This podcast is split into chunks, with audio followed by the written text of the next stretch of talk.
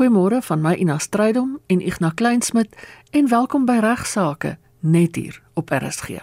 Eerstens vanoggend gaan Ignas 'n baie belangrike hofbeslissing bespreek en dit is die konstitusionele hof se onlangse beslissing oor swart ekonomiese bemagtiging. Daarna vertel hy op ligter trant 'n paar stories uit Wyle Ian Wessels se boek Genade edelagbare. Baie hartlike goeiemôre vanaf my kant aan almal wat ingeskakel is. Baie dankie. Lekker om weer met u te gesels. Altyd vir my 'n groot voorreg.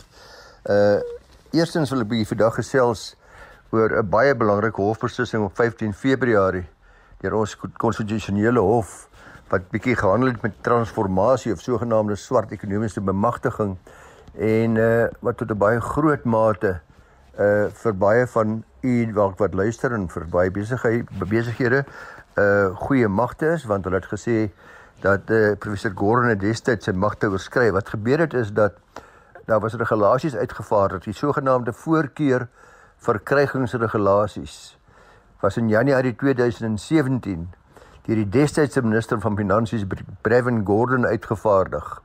Dit gee die vereistes vir swart ekonomiese bemagtiging. En uh dit was volgens baie mense nogal redelik drakonies en vir baie mense was dit onaanvaarbaar. En uiteindelik uh die rede daarvoor was maar dat die minister in die uitvaardiging daarvan verder gegaan het as vorige SCB regulasies. Voor 2017 kon enige maatskappy getender het, maar hulle het met tot 20% gespesialiseer as hulle nie 'n sekere SEB status gehad het. Dis nou getender het vir staats kontrakte onder natuurlik of saaklik. Die regulasies het dit moontlik gemaak vir staatsorgane wat tenders inwin om goedere of dienste aan te koop, om sommer uit die staanspoor 'n hele klomp maatskappye wat nou nie in aanhalingstekens swart genoeg is nie, dadelik uit die proses uit te sluit. Hulle is uitgeskakel sonder verdere seremonie. Die regulasies het egter die spreekwoordelike dam onder die eend uitgetrek deur staatsorgane te magtig om maatskappye dus uit te sluit en dit het nogal baie groot skade aan talle maatskappye veroorsaak. Nou die konstitusionele hof het op 15 Februarie in wat uh, by kollega Willie Spies, 'n prokureur by Hurter Spies noem 'n baie verrassende uitspraak gemaak deurdat hulle die voorkeurregulasies van Januarie 2017 wat ek nou net vir u verduidelik het ongeldig verklaar het. Nou Spies die prokureur by Hurter Spies het as prokureur opgetree vir die saak Liga wat hierdie saak na die hof toe gevat het. Die verdeling was natuurlik interessant geweest in die sin dat daar was nege regters van die konstitusionele hof en hierdie was 'n naalskraapse oorwinning, 'n net net oorwinning want uh, die verdeling tussen die regters was onderskeidelik 5 teenoor 4, minderheid van 4 en meerderheid van 5. So baie skrale meerderheid. Maar daar was een saak wat uh, duidelik uh, is uit die uitspraak van die 15 Februarie is dit dit en dit is in Willie Spies se woorde uh in 'n berig wat hy daaroor geskryf het dat die uitsprake baie duidelike teken is of 'n eerste teken begin wys dat daar baie sekerlik ook regters op ons regbank is uh, wat bereid is om krities te begin kyk dat na wat hy noem onbillike maatreëls wat tot dusver sommer goeds moet as noodsaaklike uh, maatreëls vir transformasie geregverdig was.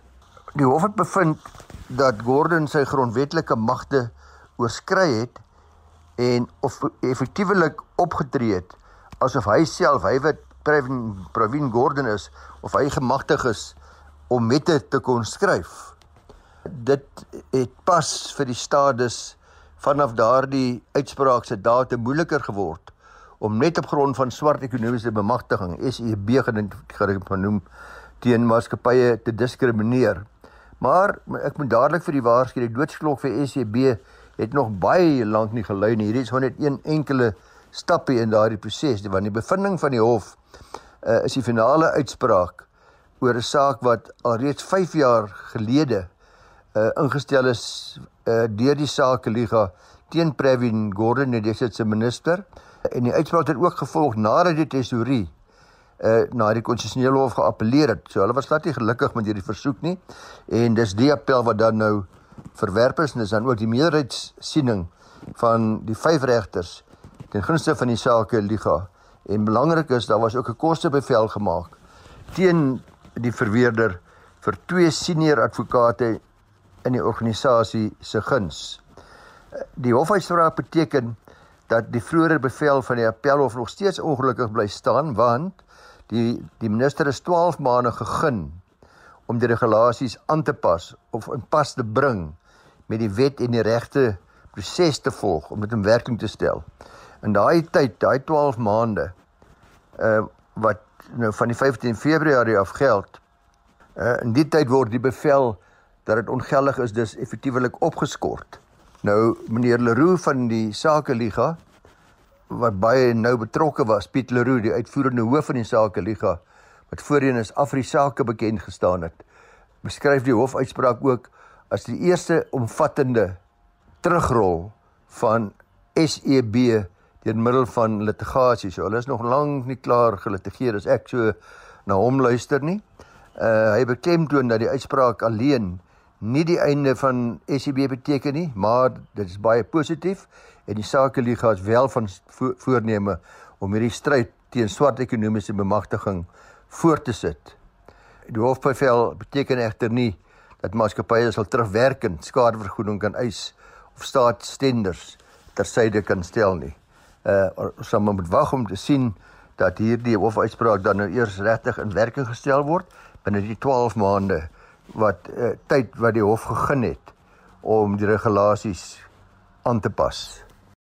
En nou soos jy sal weet, is swart ekonomiese bemagtiging en transformasie maar woorde wat vir baie van ons en die luisteraars waar baie swartgallig is ons maak nooit daaroor enige politieke uitsprake nie want ek neem hierdie program op namens die prokureursorde van Suid-Afrika maar ek dink tog is tyd om so 'n bietjie iets ligters te luister. En ek is 'n bietjie weer 'n een of twee storieetjies uit die boek Genade edel lagbare.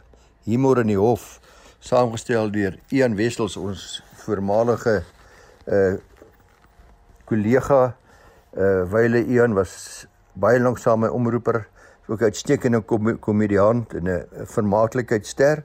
Hy het die boek geskryf Genade Edelagbare uh, en as jy dalk na die boekie nog soek, dink ek kan u gerus skakel met Lapa Uitgewers. Hulle is in Pretoria of uh, hulle is e-pos is baie maklik is lapa@lapa.co.za. Lapa by lapa@co.co.za. Dalk is die boekie nog beskikbaar, ek is seker nie. Maar hy sê eerstens vertel hy 'n storie wat eh, Thomas Smit self vertel het toe hy as jong verkeersbeampte in die 1970s 'n spoedlokval tussen Graaf Renet en Jansen wil beman het.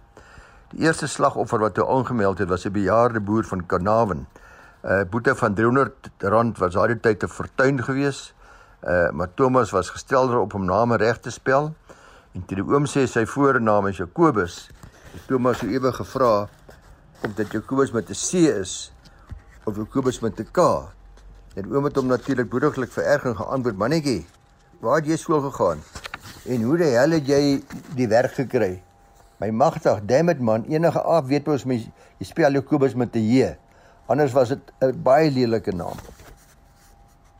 Dan vertel Ian in sy boekie vir ons 'n storie wat hy gehoor het by Jan Smit, 'n luisteraar, wat hy as die waarheid vertel van die motoris wat met sy blink nuwe duur Duitse motor op die pad tussen George en Grootbrak rivier gery het. Hy het die motor getoets en hy het 175 km per uur dit toe deur 'n spoedlokval gegaan. Toe die verkeersbeampte hom aftrek het hy onthou van die bottel brandewyn in die besitplek langs hom wat hy pas gekoop het. Hy het oopgedraai, sy mond daarmee goed uitgespoel en toe die verkeersbeampte by hom kom, net vir hy het net 'n slukkie geneem nie, het die brandewyn walms natuurlik eers te ontsnap toe hy die venster afdraai. Nou die beampte was nog altyd nog gedink dronkbestuur is baie meer ernstig spoedoortreding en sy gretigheid met uh, om hierdie ou vir dronkbestuur dadelik aan te keer vergeet hy skoon van die spoedlokval arresteer hom net daar vir dronkbestuur en binne die voorgeskrewe 2 ure is hy toe nou geneem uh, na die distriksgeneesheer toe waar sy bloed getrek is en jy weet ons almal uitslag van die bloed was natuurlik 0,00 gram per 100 ml. Hy het geen alkohol in sy bloed gehad nie. Hy is toe vrygespreek. Maar dis nie die einde van die storie nie want uh, Jan Smit sê hy toe daarna het die uh, was die beskuldigde nog arrogant genoeg nadat hy so oneerlik was om die verkeersbeampte en die staat vir onregmatige arrestasie ensovoorts te dagvaar en hy het ook sekere vergoeding ontvang. Nee, slegte uiteinde vir hierdie jag duiwel nie.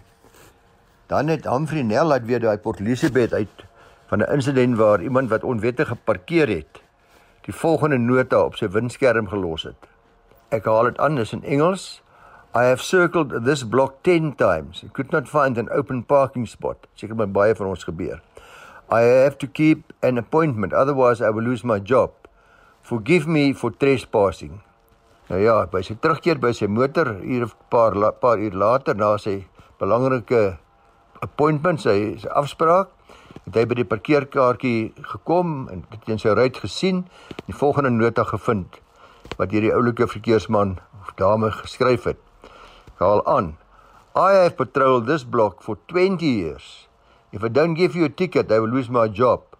Lead us not into temptation. Dan is daar ook 'n mooi storieetjie van mense wat binne 'n gemeenskap van goedere getroud is. Dit beteken hulle dis nie individuele bates nie, alles word in 'n gemeenskaplike boedel saamgevoeg waarvan die egpaar elke gelyke aandeel het. Die mense Hollandse reg het hulle die mooi woorde gebruik van man en de wyf hebben een lyf. Man en de wyf hebben een lyf. Kobus Retief, 'n luisteraar het vir uh Ian vertel van die dame in die volgende geval wat dalk hierdie man en die wyf het in een lyf te letterlik opgeneem het want 'n verkeersbeampte stop haar en vra haar bestuurderslisensie. Sy antwoord dit dit Berman is. Toe by beampte se vraag nou hoekom hulle lisensie dan Berman is, antwoord sy ons is binne gemeenskap vir goedere getroud en dus dis nie twee van ons het ons net een lisensie nodig. Ja, ongelukkig word daar nie vir ons gesê wat die uiteinde van hierdie pittige storie is nie. Dankie aan uh, een van die pragtige stories uh wat hy in hierdie uh boek van hom vertel het oor landroste, aanklaers, regters, advokate, prokureurs, tolke, polisiebeampte, speedkops ensovoorts ensovoorts. 'n Heerlike leesboek. Ek nou bespreek nou 'n appeluitspraak oor die uitsetting van huurders. En dan beantwoord hy 'n navraag nadat die padongelukke fonds 'n eis afgekeur het oor 'n baba wat met ernstige breinskade gebore is na 'n motorongeluk waarin die ma betrokke was. Die saak wat met, met ek u gaan bespreek handel met die uitsetting van sogenaamde onregmatige of beweerde onregmatige okkupeerders. In hierdie geval uh was die saak oorweeg deur die Hoogste Hof van Appel in die saak van Davidin versus Pollowin NO en andere. Dis 'n 2021 appelhofsaak en vir my kollegas wat luister is dit 2021 A 4 All SA 37. Nou oor die algemeen natuurlik weet ek al ek baie al vir gesê dat dit raasam is dat 'n huurooreenkoms maar altyd op skrift moet wees. Natuurlik is daar baie goeie redes daarvoor. Die bewysooreenkoms daarvan is natuurlik 100% en uh, ook wat die materiële terme van die ooreenkoms betref is daar weinig gronde vir geskille tussen die partye as dit alles behoorlik op skrif en duidelik gestel is. Dit is wel belangrik om te merk dat uh, op skrifstelling van die huurooreenkoms nie geldigheidsvereiste is nie. So dis mense kan 'n mondeling sê oor hierdie ooreenkoms aangaan, geen probleem daarmee nie. Al wat vereis word is dit albei partye tot die ooreenkoms die uh, die relevante in hierdie geval onroerende eiendom, die huurtydperk en vergoeding betaalbaar deur die huurder vasgestel en of vasstelbaar moet wees. So dis maar die wesenlike terme moet minstens vasstelbaar wees. Hierdie vereistes vir die totstandkoming van die huurooreenkoms is van groot belang. Uh, is dit gewoonlik sake in raak in die beëindiging van die ooreenkoms. Hoekom stel mense ooreenkoms op? Omdat jy bang is dat daar probleme gaan kom en, om, en omdat daar probleme gaan kom, uh, sal dit wees gewoonlik by die beëindiging van die ooreenkoms in hierdie geval die uitsetting van 'n huurder uh wat toe na 'n prokureur verwys is. Die uitsetting van die huurder uh in gevolge 'n mondelings huurooreenkoms was in hierdie saak oorweeg en is deur die hof weer herbevestig dat uitsetting deur die voorkoming van onwettige uitsetting van ondermatige okkupasie van grondwet. Ek gaan net hierna van die wet van die wet praat, dis 'n baie lang wet. Onwettige die voorkoming van onwettige uitsetting van onregmatige okupasie van grond wet. Dit reguleer dan hierdie moontlike onregmatige uitsetting en spesifiek dat daar slegs op hierdie wet gesteun kan word waar die persoon wat die eiendom okupeer 'n onregmatige okupeerder is, soos deur die wet gedefinieer. Nou uh dit word dan duidelik so in paragraaf 11 van hierdie saak waarna ek hier verwys het uiteengesit wat hierdie definisie is. Per artikel 1 van die wet word 'n onregmatige okupeerder gedefinieer as 'n persoon wie grond okupeer sonder die uitdruklike of stilswygende toestemming van die eienaar of 'n persoon in beheer van grond of sonder enige reg om die grond te okupeer. Dis nou artikel 1. Toestemming word verder deur die wet gedefinieer as uitdruklike of stilswygende toestemming, net wel het sy skriftelik of andersins, met ander woorde, kan ook mondelings wees van die eienaar of persoon in beheer van okupasie deur die okupeerder ter sprake. Nou okupasie sal dus onregmatig wees in die geval waar daar nooit toestemming verleen was om 'n eiendom te okupeer nie. Alternatiefelik waar die toestemming regmatig teruggetrek is deur die ooreenkoms op 'n behoorlike wyse te beëindig, te termineer. In hierdie geval moet die hof spesifiek oorweeg of die appellant en die respondente spesifieke trust eerstens geldige mondelings hieroor die inkomste aangegaan. Tweedens indien daar wel dan so geldige mondelings hieroor inkomste bevind word of die trust hieroor die inkomste regmatig getermineer beëindig het. Die hof het eerstens vasgestel dat die partye wel geldige mondelings hieroor hieroor inkomste aangegaan het en uh, het die hof opgemerk dat die trust verplig was dus voordat hy hierdie hierdie ooreenkoms kon beëindig om 'n wettige grond te vestig. Dit kon onder andere byvoorbeeld behels dat die huurtydperk soos vasgestel was in die mondelings oor die ooreenkoms verstryk het of dat die vir, die die huurder daar dit wesentlik een van die terme verbreek het van hierdie ooreenkoms. In hierdie geval was daar geen bewering dat daar enige wettige redes was vir die trust om die ooreenkoms te termineer nie anders as dat die appellant nie die ooreenkoms formeel wou op skrift stel nie. So die huurders het gesê ja, maar ons het met jou mondelingsooreenkoms. Ons gaan nie verder met jou praat nie. Ons gaan nie prokureur sien, ons gaan nie papiere teken, ons gaan nie hier ooreenkomste opstel nie. Uh jy kan ons nie net uitgooi in elk geval nie.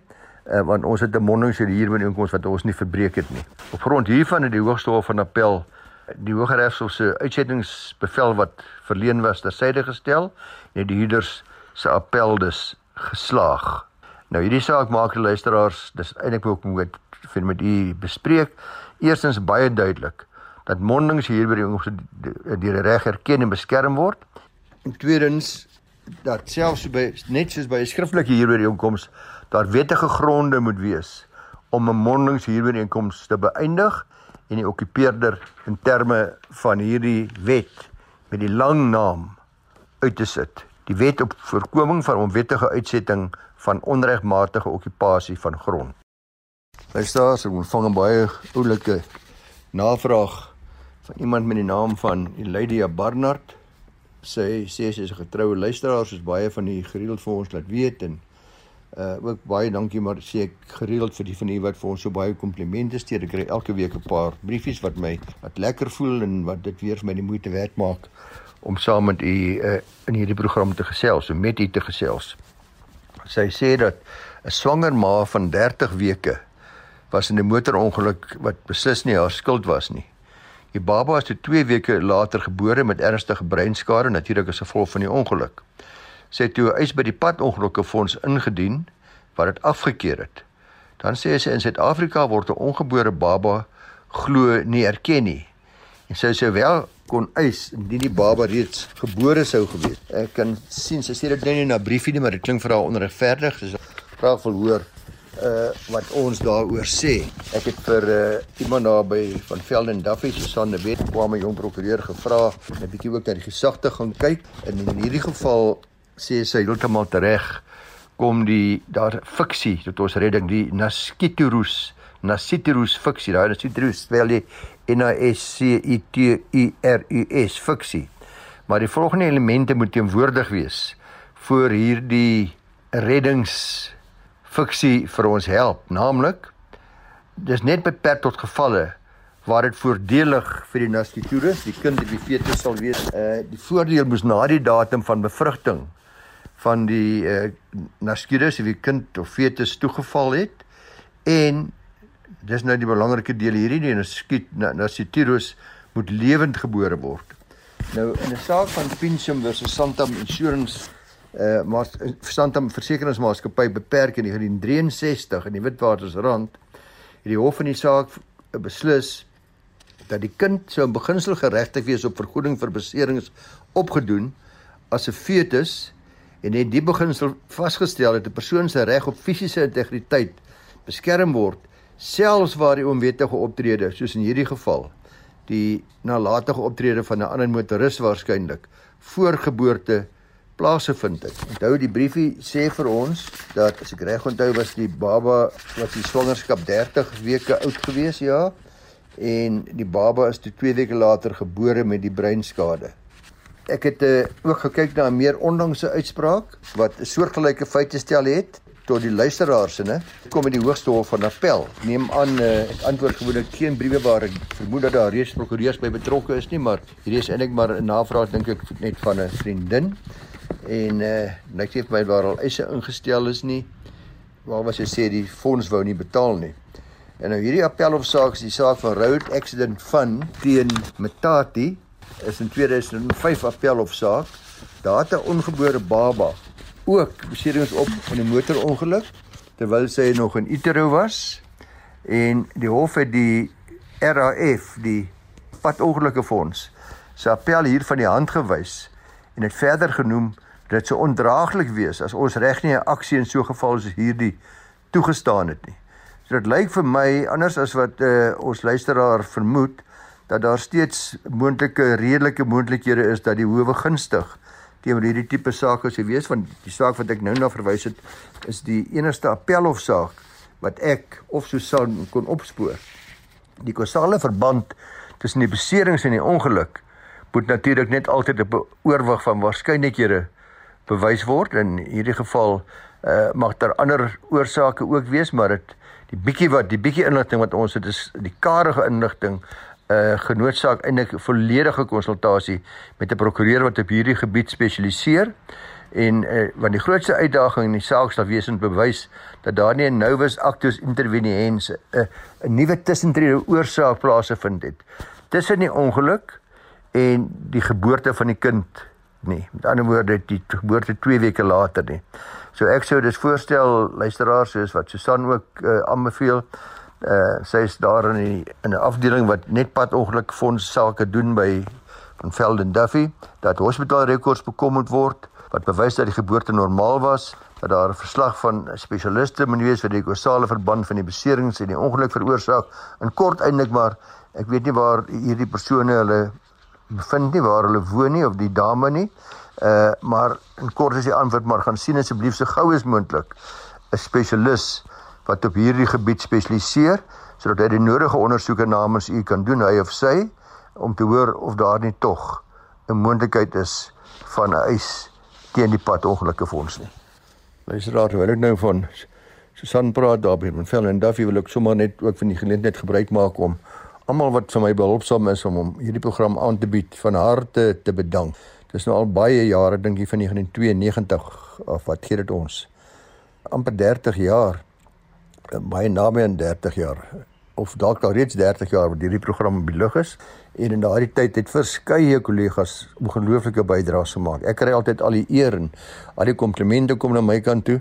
Uh maar veral by die praktyk waarby ek nog betrokke is, is daar 'n hele klomp jong uh kandidaatprokureurs en assosiate en ook uh kollegas, direkteure en spesialiste wat vir my van groot hulp is en ek maak ook baie gebruik van kollegas in ander dorpe en ook baie gebruik van nuusbriewe. So baie baie dankie vir almal. Kan ek net weer 'n keer sê, ek kry elke keer nog briewe van luisteraars wat hulle eie lang uitgerekte sake vir my in groot detail verduidelik en wat my hulp vra terwyl dit baie duidelik is dat hulle reeds by 'n prokureur is, dat hulle reeds regsadvies kry.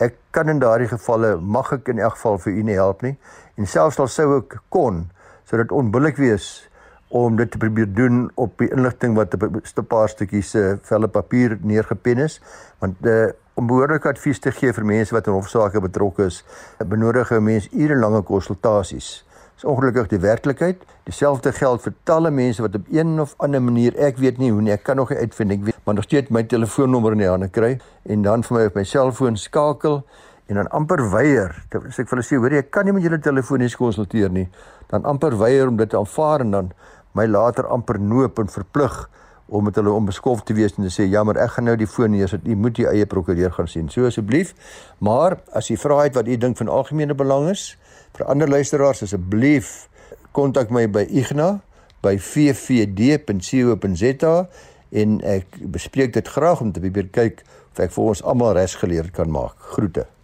En ook van my kant af groete tot volgende week